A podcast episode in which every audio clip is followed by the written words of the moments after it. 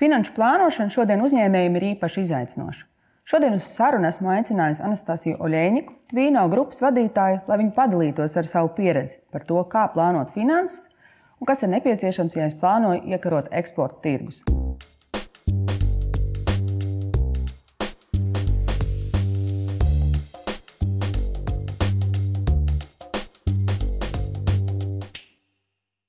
No finanšu perspektīvas, manuprāt, šis periods ir viens no visinteresantākajiem un vienlaicīgi arī visgrūtākajiem.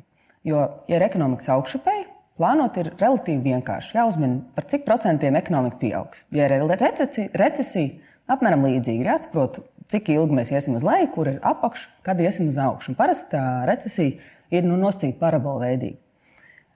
Šodienas apstākļos ļoti daudz grib domāt, ka tā recesija un attiecīgi augšupēji būs V-veida formātā, kas nozīmē, ka ir diezgan precīzi jāatrāp un jāsaprot, kur ir tā apakša un kurā mirklī mēs iesim uz augšu, jo faktiski ir pieņēmums, ka šobrīd viss ir tādā sasalumā. Kā jūs pie sevis plānojot finanses, uzņēmējdarbību, kā jūs uz to skatāties? Jūs ticat V scenārijam vai, vai tomēr ejat tam piesardzīgāk? Tas ir ļoti labs jautājums.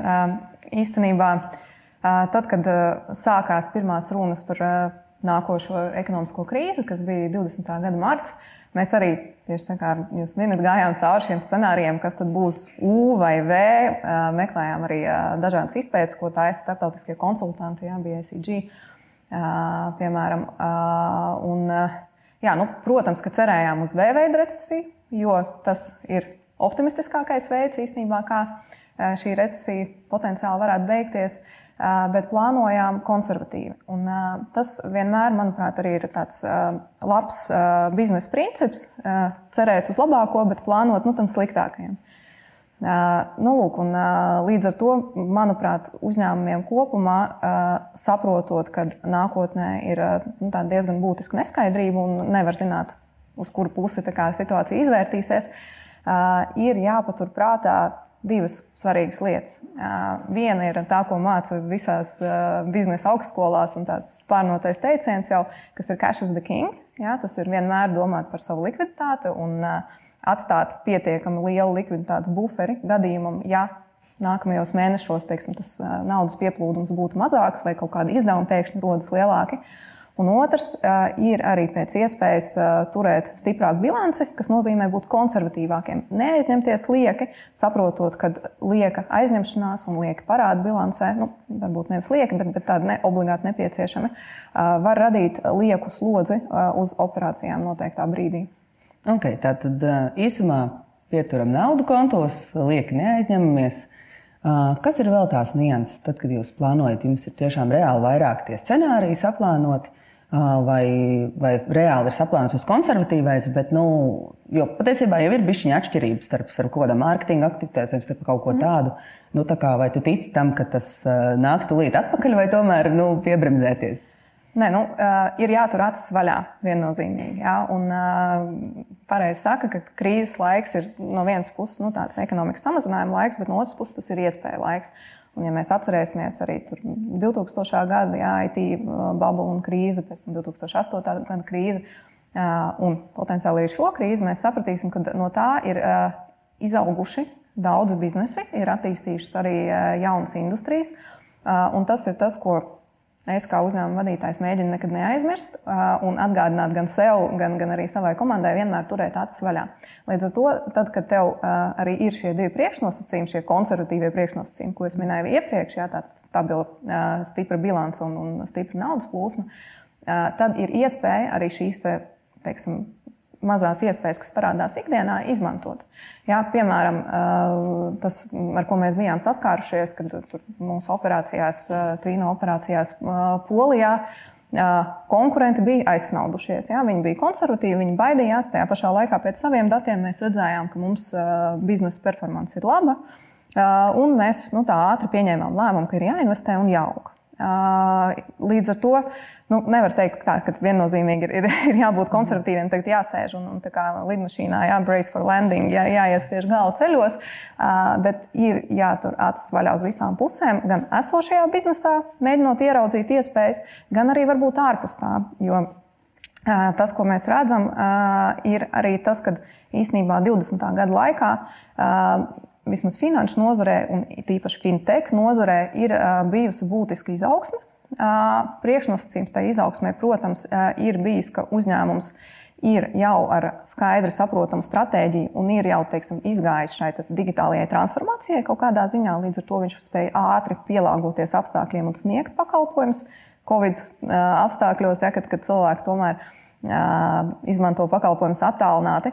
Bet šī izaugsme ir, ir bijusi būtiska, un to nevajag aizmirst. To nevajag aizmirst nedz teiksim, tām modernajām industrijām, ja, nedz arī klasiskajām industrijām. Jo iespējas vienmēr parādās, un vienmēr mums ir jāskatās gan uz priekšu, gan arī īstenībā pašiem uz sevi, mēģinot saprast, kā kaut kādas lietas mēs varam darīt labāk, efektīvāk, varbūt digitālāk ja, mūsdienās. Nu jā, tā digitalizācija, protams, ir tāda ļoti milzīga atslēga. Tad faktiski jūs Tvīno esat iz, iz, izbaudījuši vai, vai piedzīvojuši vairāk izaugsmu šajā brīdī, vai tomēr jūs redzat, ka ir kaut kādas procesi, kas tomēr bremzējās, ar ko jums ir jārēķinās? Plānojot, skatoties. Jā, teiksim tā, mēs esam piedzīvojuši stratēģijas maiņu, kas uh, ir gājusi cauri tādiem vairākiem posmiem. Tad, kad Covid sākās, nu, īsumā jā, par, par Tvīno, tad varbūt mums ir divas operāciju puses. Viena puse ir investori, un otra puse ir aizņēmēji. Investori savukārt nu, aizdod šiem aizņēmējiem patēriņa aizdevumus pamatā. Un, tad Tvīno ir, ir pa vidu. Viņš saved to cilvēkam, ir nauda, kurš grib investēt ar, ar to cilvēku, kas grib aizņemties. Un tad tajā pirmajā fāzē mēs redzējām, ka investori nobijās un teiksim, mēģināja pieturēt savu naudu, baidījās, ka varbūt mums kā kompānijai neies tik labi. Un tas priekš mums nozīmē, ka mums ir ļoti aktīvi ar viņiem jākomunicē, un arī tajā pašā laikā ir jādod savs tāds solījums par to, ka nu, viss būs labi un mēs jums atmaksāsim tos aizdevumus ja, pirmām kārtām, pirms mēs darīsim jebko citu. Uh, Un tad, tad tā mēs arī darījām. Jā, mēs arī prioritizējām likviditāti, nogriezām nevajadzīgus izdevumus. Un faktiski pietiekami īsā laikā, kaut kur mēneša laikā, kas bija pagājušā gada aprīlis, mēs parādījām investoriem, ka Vīno ir uzticams sadarbības partneris. Un jau mājā īstenībā investori sāka atgriezties. Un tad mūsu uzdevums bija jau nu, teiksim, no otras puses jā, atrast tos aizņēmējus, tos labos aizņēmējus, kam šo naudu izsniegt. Un te tāds interesants trends, ko mēs pamanījām, ir, ka esošo, esošā teiksim, klientu portfeļa kredīta kvalitāte nav pasliktinājusies. Jā. Tie klienti, kas vēsturiski ir maksājuši un ir bijuši teiksim, finansiāli pratīgi un zina, kā plānot savas finanses, viņi turpina tā darīt. Bet tas, kas nedaudz ir mazinājies, ir cilvēku tēriņi. Un, nu, tas arī skaidrs, ja mums nav īsti kur ceļot, nav vajadzīgs tik daudz jā, jaunas drēbes, ja? un mēs nevaram aiziet uz, uz restorānu vakarā. Un, līdz ar to samazinoties šiem tēriņiem, pieprasījums pēc tiksim, aizdevumiem ir samazinājies. Un, tas ir bijis diezgan liels izaicinājums mums. Mēs meklējām dažādus kanālus un dažādus veidus, kā vēl tiksim, piesaistīt šos savus klientus, bet šobrīd mēs jūtamies jau tiksim, tā, atguvušies pilnībā no šīs Covid krīzes. Tajā pašā laikā vēl aizvien skatāmies konservatīvi uz, uz nākotni, ja, un arī ņemot vērā to, ka tā neskaidrība bija tik liela un mēs tik daudz laika un enerģijas veltījām tam, lai izpētītu, kas, kas būs tas, teiksim, tā, tā nākotne, ja, cik dziļa būs krīze un, un kas notiek pasaules trendos tad faktiski mēs esam uzņēmušies pieņemt sev par, par tādu mērķi, pievienot vēl papildus investīciju iespējas un, un, un piedāvāt saviem investoriem citas investīciju, teiksim, citas finanšu instrumentus, ja, kur, kur viņi var investēt. Un tas ir tāds mūsu lielais projekts, lielais nākotnes potenciāla izaugsmas solis arī kur mēs nedaudz teiksim, to savu fokusu jā, pārslēdzām no tā, ko mēs darām labi jau gadiem, uz to, kur īstenībā ir ļoti, ļoti liels potenciāls. Jā. Mm. Un tad, jā. Jā, kas ir tas jaunais pakalpojums? Man ārkārtīgi. Šobrīd mūsu platformā investori var investēt vai nu patēriņa aizdevumos, vai aizdevumos maziem vidējiem uzņēmumiem mm -hmm. Latvijā, vai arī nekustamo īpašumu projektu finansēšanā.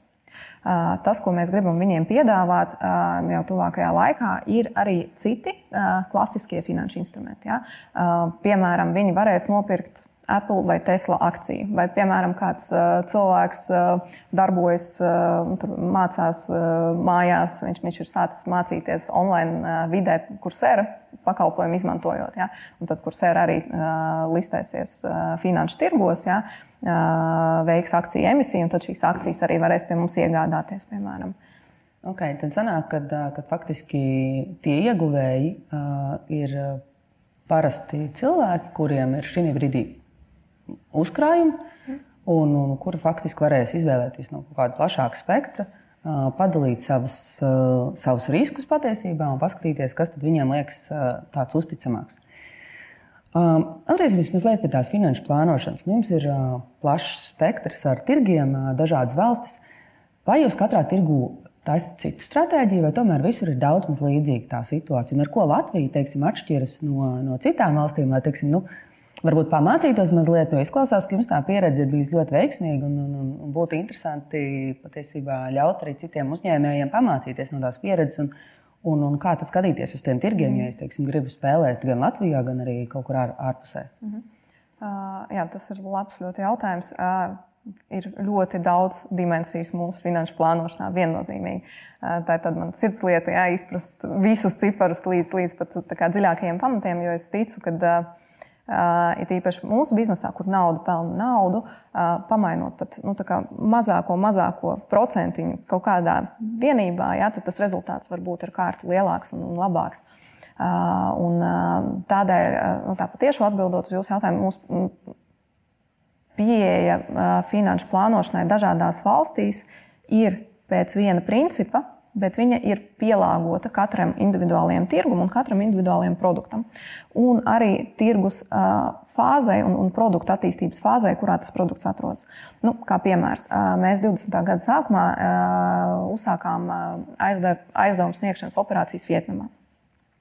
Un šobrīd vispār, teiksim, uzsākot operācijas jaunā valstī, mēs vienmēr sākam ar mērķu uz uzspraušanu. Ja? Un tie mērķi ir dažādi. Viņi ir gan um, apjoma ziņā, tā kā izaugsmas ziņā, cik mums ir kurā brīdī jāspēj uh, ģenerēt uh, aizdevumu izsniegšanas apjomi, uh, gan arī produkta ekonomikas ziņā. Un uh, produkta ekonomika ir kaut kas, uz ko es ieteiktu vērst uzmanību uh, jebkuram, jebkurā biznesā, jo īsnībā jebkuru uh, naudas pelnīšanas procesu, ja, un jebkuru biznesa procesu var sadalīt uh, produkta vai klienta ekonomikas uh, konceptā un, un komponentēs. Un līdz ar to teiksim, Vietnamā šobrīd uh, mēs redzam, uh, ka beidzot iepriekšējā gada beigās, uh, decembrī, mēs nonācām līdz pozitīvai šai klienta ekonomikai, kas man dod zaļo signālu. Es zinu, ka tagad katrs nākamais klients, ko mēs nopērkam Vietnamā, viņš būs ar plusiņu, nevis ar mīnusu. Mm. Bet, lai tur nonāktu, sākumā ir jāiegulda kaut kāda līdzekļa un jāpamācās. Mm. Uh, savukārt, uh, stabilākās valstīs, jā, kā piemēram Latvijā, uh, Tur jau ir tāda ilgtermiņa spēle, ja, un, un, un viņa ir vairāk, teiksim, mazāk taktiska, vairāk strateģiska. Un, te mēs vairāk skatāmies uz to, ko dara konkurenti, kāds produkts ir vairāk pieprasīts, jo tas tirgus ir piesātināts un mums teiksim, tā, ir, ir jārada produkts, kas spēs būt konkurētspējīgs un pievilcīgs mūsu klientam, un tajā pašā laikā arī nu, pietiekami droši atdevi, atdevi nesošs mums kā uzņēmumam. Nu, faktiski, mēģinot apkopot, tātad, ja ir kaut kāds jauns tirgus, tad vispirms ir jārēķina, jāskatās minētās komponentes. Mhm. Kādas tad viņas ir, uz ko man būtu jāskatās? Es teiksim, izdomāju, es gribu pārdot svārkus jā. kaut kur, nezinu, Āfrikā, kaut kur, nezinu, vienā kurā valstī. Uh, trīs, jā, trīs, trīs, uh, trīs lielie bloki. Uh, pirmie divi, vispār, ar, ar kuriem es sāktu, ir uh, Es, kā, labi, divas pieejas. No augšas uz leju vai no lejas uz augšu. Ja? Es stāstīšu par, par pieeju, kas ir mm -hmm. no mhm. lejas uz augšu, kur jā. mēs skatāmies uz svārkiem, kura tiks radīta. Jā, nu kas kā jā. produkts vai finanšu vismā vienalga, kas ir ienācis prātā viens. Nu, lūk, un tad mēs sākam ar izmaksām, uh, lai saražotu vienus noteiktus svārkus. Uh, Tas uh, ietvers visas tiešās izmaksas, ja, un, un šajā gadījumā vēl pagaidām neietvers kaut kādas fiksētās izmaksas. Tālāk ir jānosaka, kāds ir potenciālo cenu diapazons, par kuru šī, šos svārkus var pārdot. Uh, Un arī ar iespēju, ka varbūt kaut kādā brīdī būs jātaisa kampaņas ar atlaidēm un tā tālāk. Līdz ar to jāizvēlas tāda nu, vidēji svērtā cena. Ja? Mm -hmm. Nezinu, vasarā mēs pārdodam svārkus par pilnu cenu, ziemā visiem salstā un, un mhm. pārdodam ar atlaidi. Nosakam vidējo cenu, nosakam ražošanas izmaksas un saprotam, vai tas, kas paliek pāri, ir pozitīvs. Tas ir pirmais vispār, sakām. Ja negatīvs, tad droši vien viss nu, ir. Vai arī, jā, vai arī ir bišķiņi, jāstrādā ar savām ekspektācijām un jāpamēģina stratēģija. Varbūt ir jāizmanto lētāki materiāli, varbūt kaut kā citādi jāorganizē darba spēks, un varbūt ir jāpārdod nevis Āfrikā, bet nezinu, Turcijā, jā, kur, kur cena varētu būt lielāka. Mm -hmm. uh, un tad tālāk tas nākamais solis savukārt, kad ir skaidrs, ka nu, tie vieni svārki nesīs plusiņu, mm -hmm. uh, tad ir jautājums, cik svārkus man vajag pārdot noteiktā laika periodā, lai nosektu savas nu, pastāvīgās fiksētās izmaksas. Uh, Nu, un, un, un tas ir nu, teiksim, tā, mm, galvenais domāšanas process. Jā, jā tad faktiski saprotot to apjomu, tad faktiski var saprast, vai tas tirgus ir tik liels un vai tur vispār ir jēga tērēt to savu enerģiju. Faktiski šī metode visticamāk, nu, pēc manas pieredzes, pa lielu strādā jebkur, vai tas ir mazs tirgus, liels tirgus, piesātināts, nepiesātināts, bet tā nianses, kas ir piesātinātam tirgumam ja es pareizi sapratu, tad tur ir vēl tie konkurenti, kas man to ballīti jauc un neļauj man tik varbūt brīvi spēlēt. Un tad tur man ir jāizdomā, lai tiem svārkiem būtu vēl skaists puķis, kas tur patīk tam klientam, nu, vai finanšu sektorā. Tātad, ja mēs skatāmies uz, uz, uz tiem produktiem, tad tur jau bija dažādas tur lietas. Tur ir jāizdomā kuras, ekstras, jā, tur ir jāizdomā ekstras, kas, kas kaut ko izmaksā bet uh, rezultātā varētu nozīmēt, ka vairāk svārki tiks pārdoti. Mm -hmm. ja? -hmm. Kas varbūt to vienu svārku ekonomiku pasliktina, bet to kopējo operāciju ekonomiku uzlabo. Ja? Tad, tad jau vairāk teiksim, ir, ir spēle šajā virzienā, kā tad optimizēt to kopējo rezultātu. Nu, tad, faktiski, ja tā padomā, tad nu, pa lielam nav liela starpība, vai tu esi, nu, tas teiciens, go global or go home. Patiesībā tie principi un tie mehānismi visā pasaulē ir daudz maz vienādi, un tas izaicinājums ir tikai uzminēt tās tirgus nianses to punktu un, un, un, un faktiski saprast, kurā brīdī, cik liels tas piedāvājums, ir vēl kaut kas, kas ir jāskatās. Jā, nu, gribētos, gribētos ticēt tam, ka, ka pasaule ir homogēna tādā ziņā, jā, bet, diemžēl, ir vēl viena būtiska nianse, kas ir angļuiski sakot, cost of compliance, jā, jeb atbilstības izmaksas. Cik mums mm.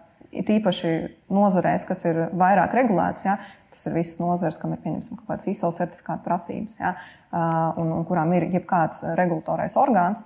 Bet arī citās nozarēs ir dažādi nodokļu režīmi. Ja? Tas ir, ir, jā, ir dažādas prasības darbinieku darbā pieņemšanā un atlaišanā. Ja? Nu, diemžēl nevar ignorēt atbilstības un, šo regulatoro un juridisko komponenti. Un dažkārt ir tā, ka tas beig beigās, lai arī nu, teiksim, tā uz papīra viss izskatās labi, un šķiet, ka tirgus ir labs, liels un, un pelnīt spēju, kā, ar, ar, būt, ar zināmu pelnīt spēju, tad apsverot to, cik daudz resursu un, un cik izmaksās atbilstības nodrošināšana šajā tirgu. Ir bijis tā, ka mēs pieņemam lēmumu neiet kaut kādā tirgu. Un pat ir bijis tā, ka mēs šogad, tieši šogad, 20. gadā plānojām iet un uzsākt operāciju Šrilankā. Turpat nebija tā, ka tirgus tajā brīdī bija noregulēts, ja, bet parādījās teiksim, tā, runas un, un kaut kāda politiskā agenda par to, ka varētu tikt noregulēts. Ja? Un tad jau arī teiksim, tas, tas ir kaut kas, ko ņemt vērā, un tas ir kaut kas, uz ko skatīties, ja? skatīties plašāk. Viens ir tā mikropasaule, tas ir tas produkts, lielāka pasaule ir, ir tas tirgus, bet, bet tā lielā pasaule ir, ir valsts vai reģions kopumā un, un arī teiksim, nu, lielie politiskie trendi. Nu, vienmēr jau saprast arī to, kurā virzienā tas iet, lai nav tā, ka pēkšņi es izdomāju tur to pašu mm. pakalpojumu sniegt un pēc mēneša man uzliek kaut kādas regulatoras prasības, kuras es vairs nevaru izpildīt. Mm. Un, un līdz ar to man patiesībā visas manas foršās investīcijas tiek pazaudētas vienkārši tāpēc, ka es nerēķinājos ar šiem kopējiem trendiem. Faktiski mums jau noslēdzot sarunu, ir kaut kādas būtiskas lietas. Mēs pārunājām gan kaut kādus trendus, kas saistās ar to, kā aiziet tirgos. Mēs paskatījāmies, pišķiņš saprot, ka tie uzkrājumi cilvēkiem ir, viņi ir gatavi viņus investēt. Ir tā, tā arī tā biznesa un patēriņa puse, kur tomēr ir spējīgi pieņemt to situāciju. Tad kā mēs kopumā šodien izskatāmies? ir slikti, ļoti slikti, vai īstenībā nemaz tik slikti nav. es domāju, ka neviens nezina. nu, domāju, bet eh, savā nezinu, pusē, teiksim, ko jūs redzat tajā, tajā bildē? Jo man ļoti, tas, kas man personīgi nepārāk patīk, ka mēs ļoti fokusējamies uz tām situācijām un tām nozarēm, kurām neiet labi. Un es šeit negribu teikt, ka viesnīcu mm. īpašnieki ir šobrīd ļoti laimīgi. Bet man liekas, ka mums tomēr būtu jāsāk celt saulē arī tās lietas, mm. kuras šodien strādā labi un uz kurām varbūt mums tā savu uzmanību būtu jāfokusē vairāk. Mm. Es teiktu, tā, ņemot vērā apstākļus, daudzas nozares ir spējušas adaptēties, un viņām iet labāk nekā varēja cerēt. Es domāju, ka būs uh, nākamais uh, izaugsmas vilnis. Jautājums, vai viņš kompensēs teiksim, to kritumu, kas ir bijis vai nē. Uh, tajā brīdī, kad uh, teiksim, ierobežojumi tiks noņemti, es domāju, ka šis izaugsmas vilnis piemeklēs arī tās nozares, kuras šobrīd smagi cieš. Bet tad būs jautājums, atgriežoties pie tā sākuma, ja, par tiem, kas tajā brīdī bija spējis sev nodrošināt pietiekamu likviditāti un, un pietiekami spēcīgu bilanci. Vai šie uzņēmumi būs izsēdējuši šo periodu vai nebūs. Ja nebūs, nāks vietā citi, kas pie, piedāvās labāku, vēl aizvien konkurētspējīgu pakalpojumu. Vienīgais, varbūt, ar ko es jā, rēķinātos, arī, ka nu, varētu būt kaut kāda inflācija arī rezultātā. Jā, jo pie visiem mums jau vēsturiski zināmiem biznesa riskiem.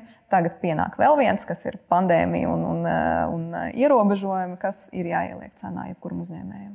Jā, bet vienmēr sakot, tā bilde kopumā ir iespējas. Ir atliek tikai Noteikti. uzrotīt piedurknes, darīt, un tad jau viss izdosies.